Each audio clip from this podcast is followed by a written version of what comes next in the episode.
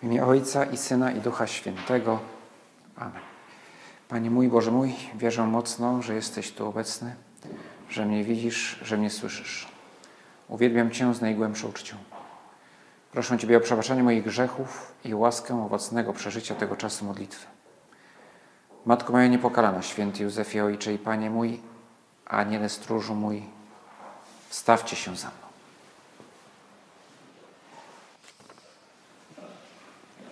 Ostatnie dwa tygodnie to jeden wielki ciąg świąt religijnych, państwowych, narodowych. I to się jeszcze nie skończyło. Dzisiaj na przykład mamy święto, uroczystość świętego Stanisława Biskupa, patrona Polski, więc jest to święto kościelne, ale równocześnie w jakiś sposób ma też wymiar narodowy. Wśród tych świąt z zeszłego tygodnia było jedno, 2 maja, którego oficjalnie jest to Dzień Flagi, ale w tradycji ludowej jest zwane Narodowym Dniem Grilla. Miałem okazję ten dzień, wieczór spędzić właśnie przy małym ognisku, patrząc w rozżarzone głownie i no każdy z nas chyba lubi to, patrzeć się w ogień, w żar. To w szczególności, gdy wokół jest przyroda, las. No wiem, że w lesie nie powinno się palić ognisk, ale myśmy to zrobili bardzo, bardzo z zachowaniem wszystkich norm bezpieczeństwa. Ognisko było malutkie.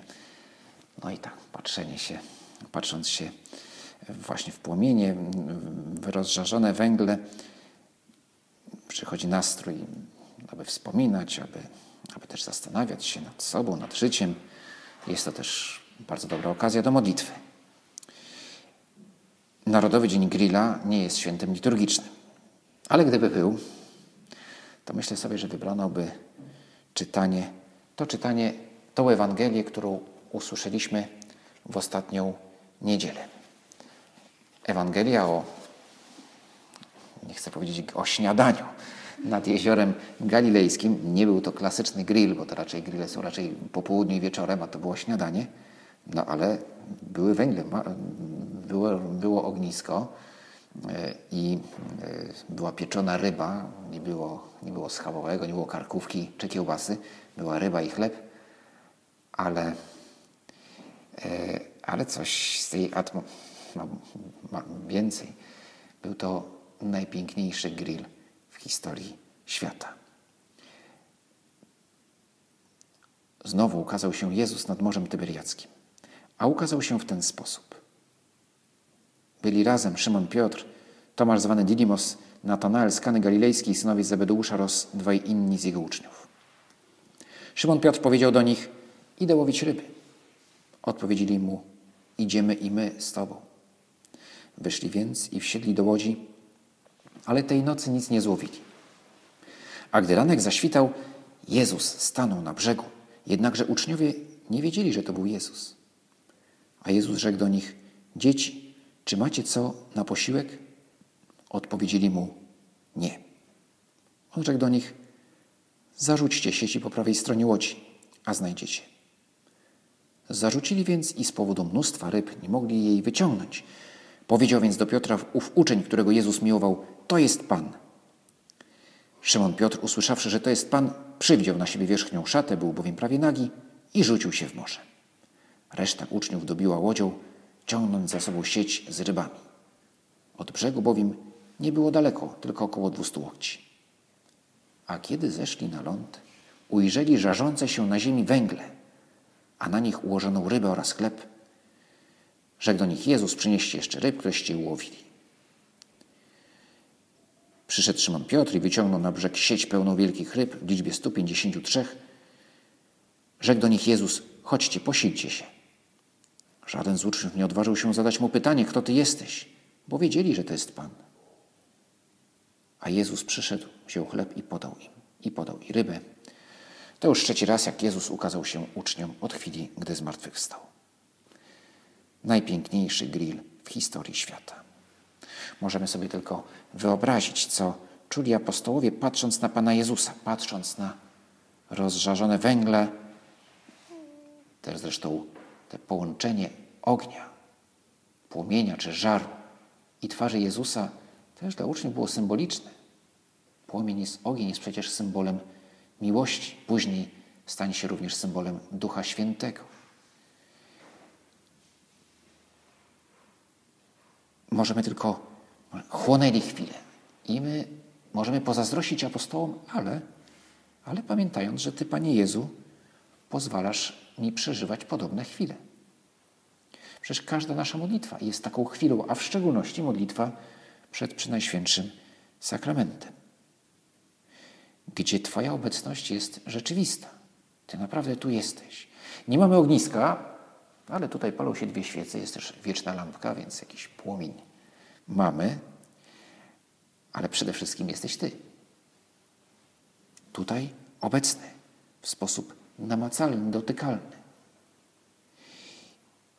I, I możemy rozmawiać z Tobą, rozmawiać z Tobą poprzez nasze myśli, nasze rozważanie, czytając Ewangelię czy, czy inną książkę duchową, zastanawiając się, rozmawiając z Tobą za pomocą naszego intelektu, ale również sama obecność, po prostu być blisko Pana Jezusa, blisko Ciebie, Panie Jezu, przy Najświętszym Sakramencie, to też jest modlitwa. Oni nie mówili nic.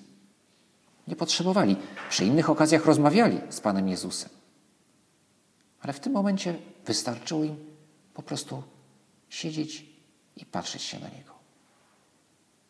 I to była jedna z najpiękniejszych chwil w ich ziemskim życiu. I my też chcemy umieć korzystać z tych chwil modlitwy,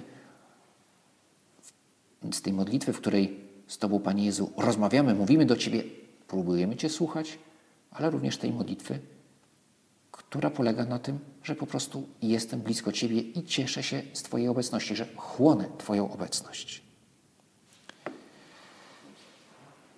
Wrócimy do, wracamy do sceny nad jeziorem galilejskim.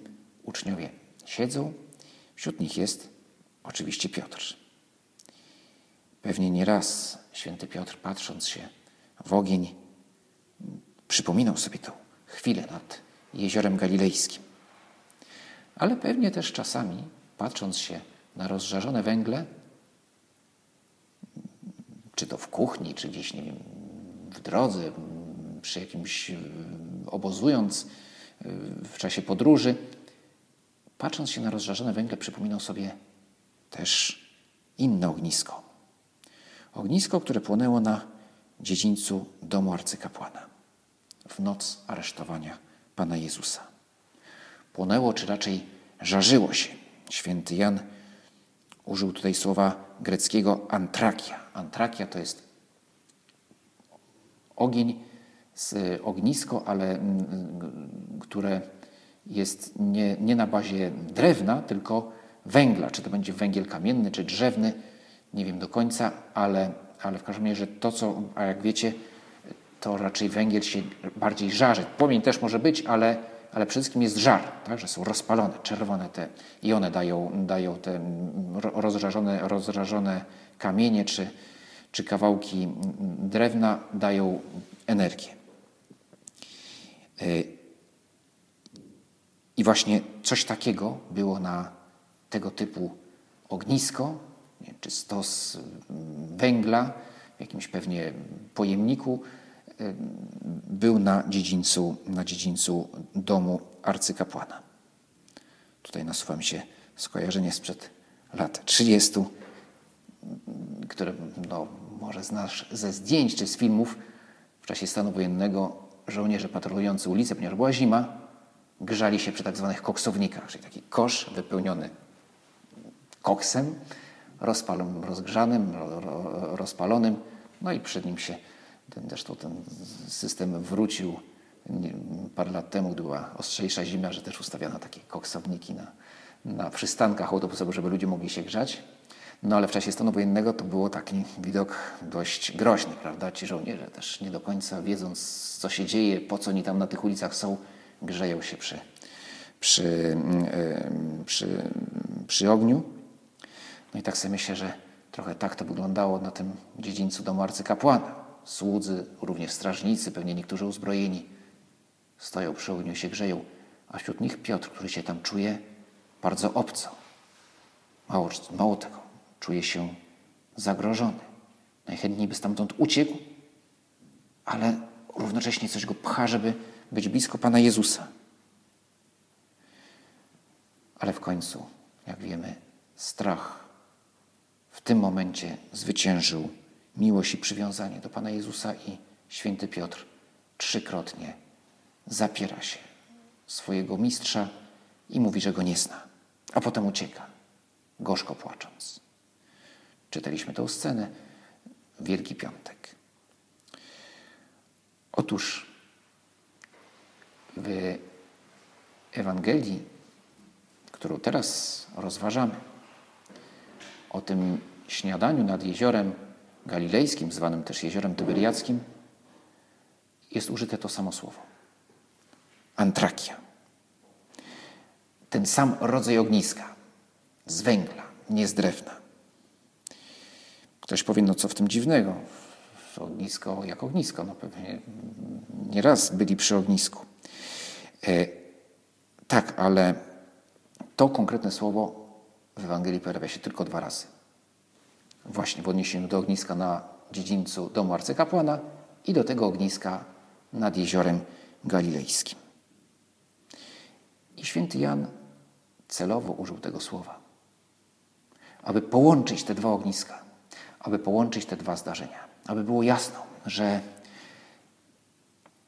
to, co wydarzyło się y, na dziedzińcu domu arcykapłana, będzie, jest związane z tym, co się dzieje teraz. Nad jeziorem galilejskim w czasie owego śniadania. Mniejsza o to, czy Pan Jezus rozpalił to ognisko na węglu, na, węg na, na węglu drzewnym, czy, czy, na, czy, na, czy, na, czy, czy używając zwykłego drewna. Pierwszy Pan Jezus po zmartwychwstaniu mógł robić co, co chciał. Znaczy, zadecydował, że będzie węgiel, to będzie węgiel. No, prawdopodobnie nie, nie nosił ze sobą zazwyczaj e, paru kilogramów węgla, e, więc na zdrowy rozum raczej by rozpalił za pomocą drewna, no ale e, no, mógł rozkazać aniołom, niech rozpalą na czymkolwiek. Mniejsza o to, to jest bez znaczenia. Znaczenie ma to, że ewangelista Jan chciał, abyśmy te dwa zdarzenia ze sobą połączyli.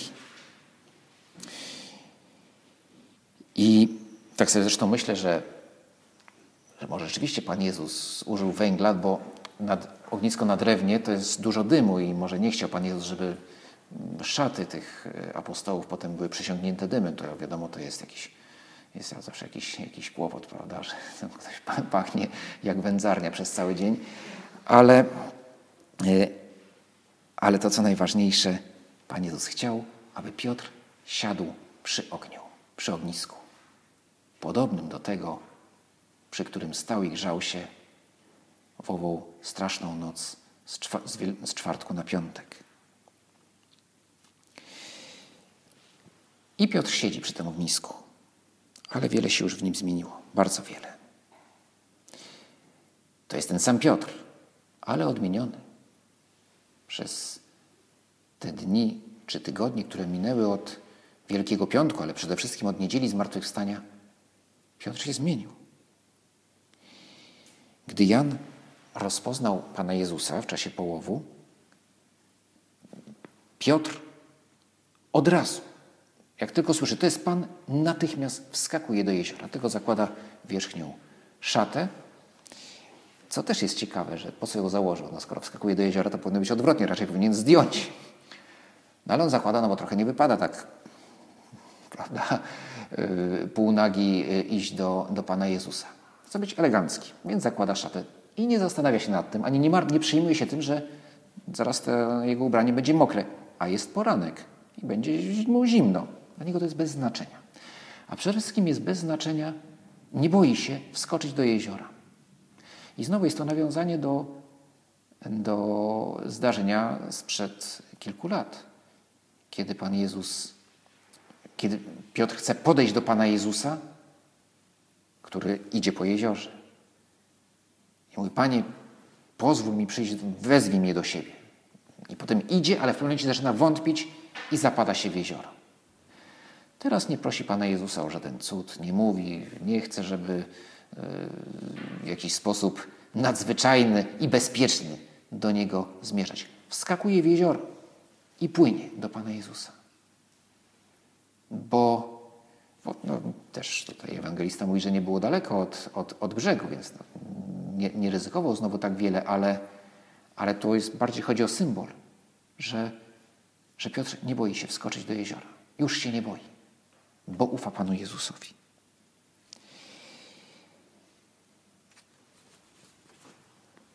Patrząc w ogień, Piotr wyparł się Jezusa w ten ogień na, na, na dziedzińcu domu arcykapłana. Ale Pan Jezus chce, aby to wspomnienie nie zdominowało życia Piotra. Pamięć o naszych osobistych grzechach pomaga nam, owszem, w nawróceniu, w pokorze. Więc Pan Jezus nie jest to, że wymazuje z pamięci Piotra tamte wydarzenia, dokonuje jakiegoś resetu, prawda? Już znika to z Twojej pamięci. Nie. Piotr będzie o swoich słabościach pamiętał do końca życia. Bo pamięć o grzechach może nam pomóc w nawróceniu w pokorze, ale może być też destrukcyjna, jeżeli nie towarzyszy tym wspomnieniom, nie towarzyszy wiara w Boże miłosierdzie, w możliwość przemiany. I dlatego Pan Jezus nie tyle chce wymazać z pamięci Piotra tamte wspomnienia, ile przesłonić je innym wspomnieniem. Zasłonić je wspomnieniem nawrócenia i wybaczenia. Zasłonić tamte zdarzenia, tamte straszne, tamtą straszną noc swoją miłością.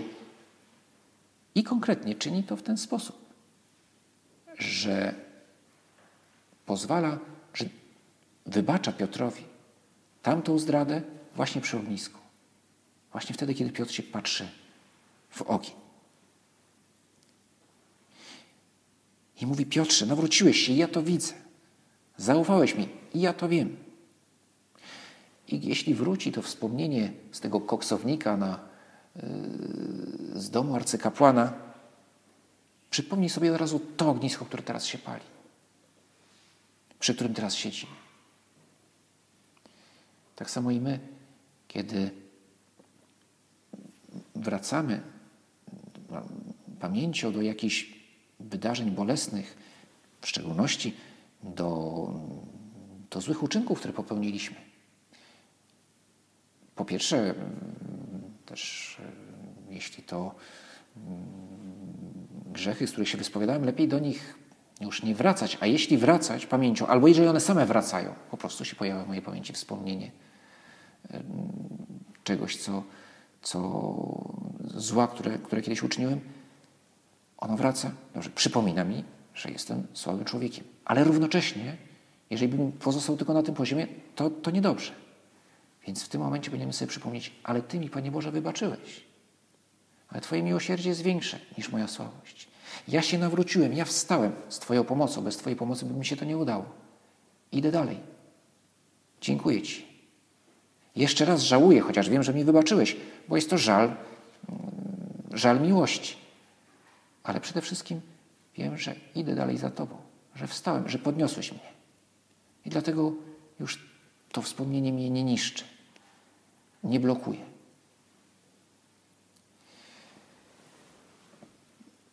A gdy spożyli śniadanie, rzekł Jezus do Szymona Piotra. Szymonie, synu Jana, czy miłujesz mnie więcej aniżeli ci? Odpowiedział mu, tak, panie, ty wiesz, że cię kocham. Rzekł do niego, paś baranki moje. I znowu po raz drugi powiedział do niego, Szymonie, synu Jana, czy miłujesz mnie? Odparł mu, tak, panie, ty wiesz, że cię kocham. Rzekł do niego, paś owce moje. Powiedział mu po raz trzeci, Szymonie, synu Jana, czy kochasz mnie? Zasmucił się Piotr że mu po raz trzeci powiedział, czy kochasz mnie i rzekł do niego, Panie, Ty wszystko wiesz, Ty wiesz, że Cię kocham. Rzekł do niego Jezus, paś owce moje. Zaprawdę, zaprawdę powiadam Ci, gdy byłeś młodszy, opasywałeś się sam i chodziłeś, gdzie chciałeś. ale gdy się zestarzejesz i wyciągniesz ręce swoje, a inny cię opasze i poprowadzi dokąd nie chcesz. To powiedział, aby zaznaczyć, jaką śmiercią uwielbiło Boga. A wypowiedziawszy to, rzekł do niego: Pójdź za mną. Pan Jezus pyta trzy razy. I jest to oczywiste nawiązanie do, do dialogu z domu arcykapłana, w którym Piotr trzykrotnie mówi, że Pana Jezusa nie zna, a teraz trzykrotnie mówi, że Go kocha. Ale te trzykrotne powtórzenie pytania ma również nauczyć Piotra pokory. A Piotr już jest pokorny, ale to jest taka, może być jeszcze jedna lekcja.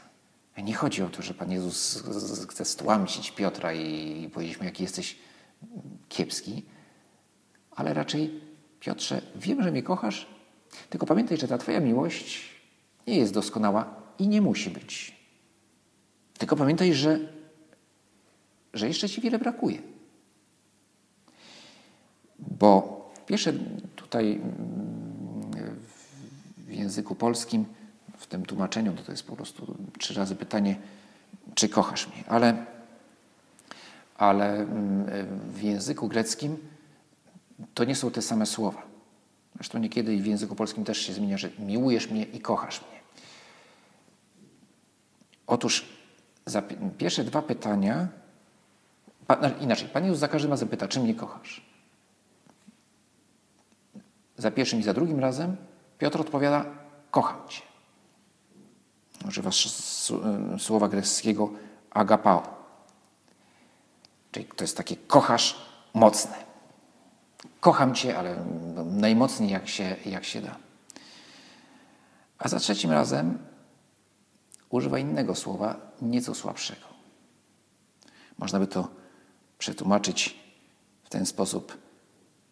Czy mnie kochasz? Kocham Cię. Czy mnie kochasz? Kocham Cię. Czy mnie kochasz? No, lubię Cię. E, to jest pewna gra słów, no, które w języku polskim, mm, no to oczywiście to za trzecim razem, kiedy mówi Piotr synak, to nie jest zwykłe lubię Cię, tylko to jest kocham, ale troszeczkę słabsze. Spuszcza z tonu Piotr, e, jakby sam przyznając, przyznając, moja miłość jest niedoskonała. Ja bym chciał Cię bardzo kochać, ale no, na razie robię, co mogę. I właśnie tego oczekiwał Pan Jezus. Pokory. Pan Jezus nie to, że Pan Jezus nie chce, żeby go kochał. No, chce, żeby go kochał całym sercem, tylko chce, żeby sam Piotr uświadomił sobie, że w tej miłości jeszcze będzie musiał będzie musiał wzrastać. I, I jeśli będzie pokorny, to będzie wzrastał. I tak samo i my. Chcemy powiedzieć Ci, Panie Jezu, tak, kochamy Cię. Jak potrafimy. Yy, może nie jest to miłość doskonała, ale Cię kochamy. W tym dialogu, właśnie można sobie zadać pytanie, słuchając tego dialogu, no właśnie, czy, czy Pan Jezus już wybaczył Piotrowi wcześniej, czy dopiero teraz?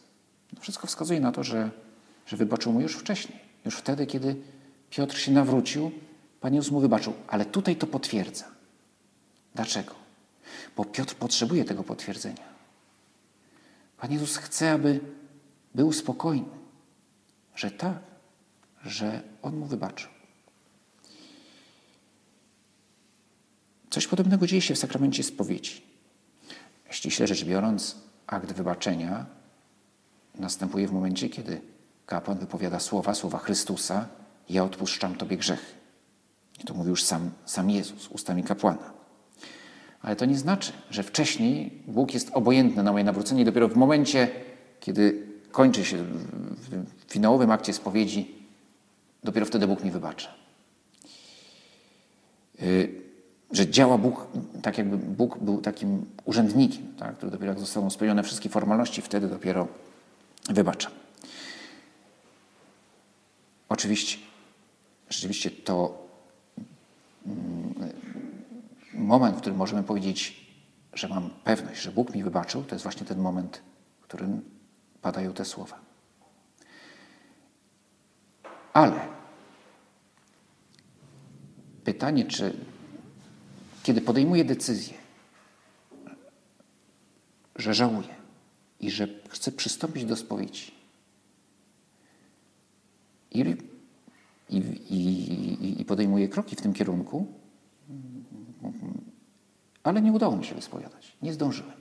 I tak się złożyło, że, że nie wiem, zginąłem zanim, zanim, zanim zdążyłem przystąpić do spowiedzi.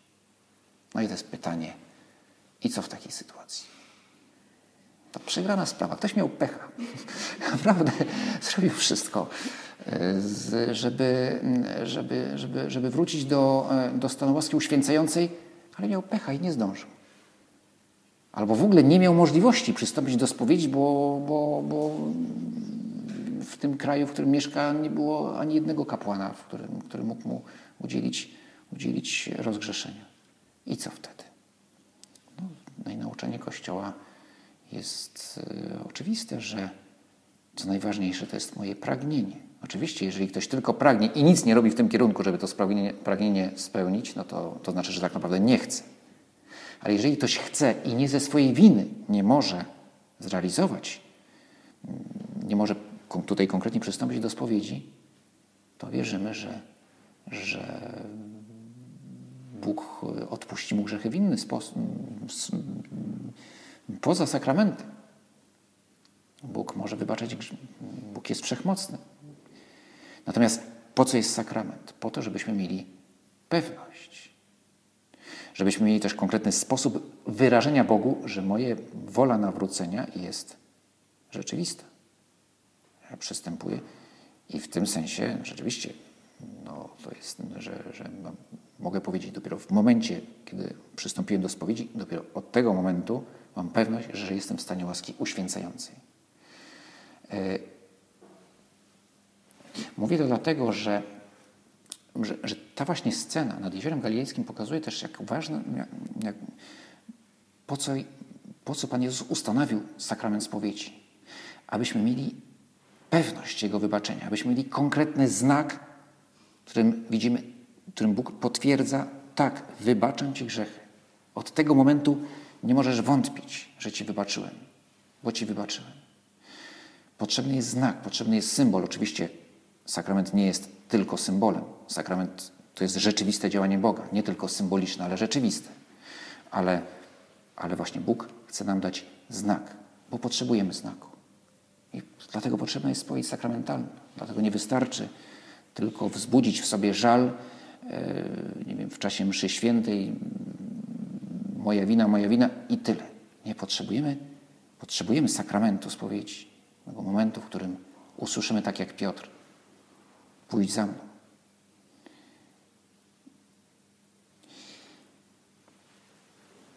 Papież Franciszek w ostatnim dokumencie adhortacji poświęconej e, młodzieży pisze tak. Kontempluj Jezusa szczęśliwego, przepełnionego radością.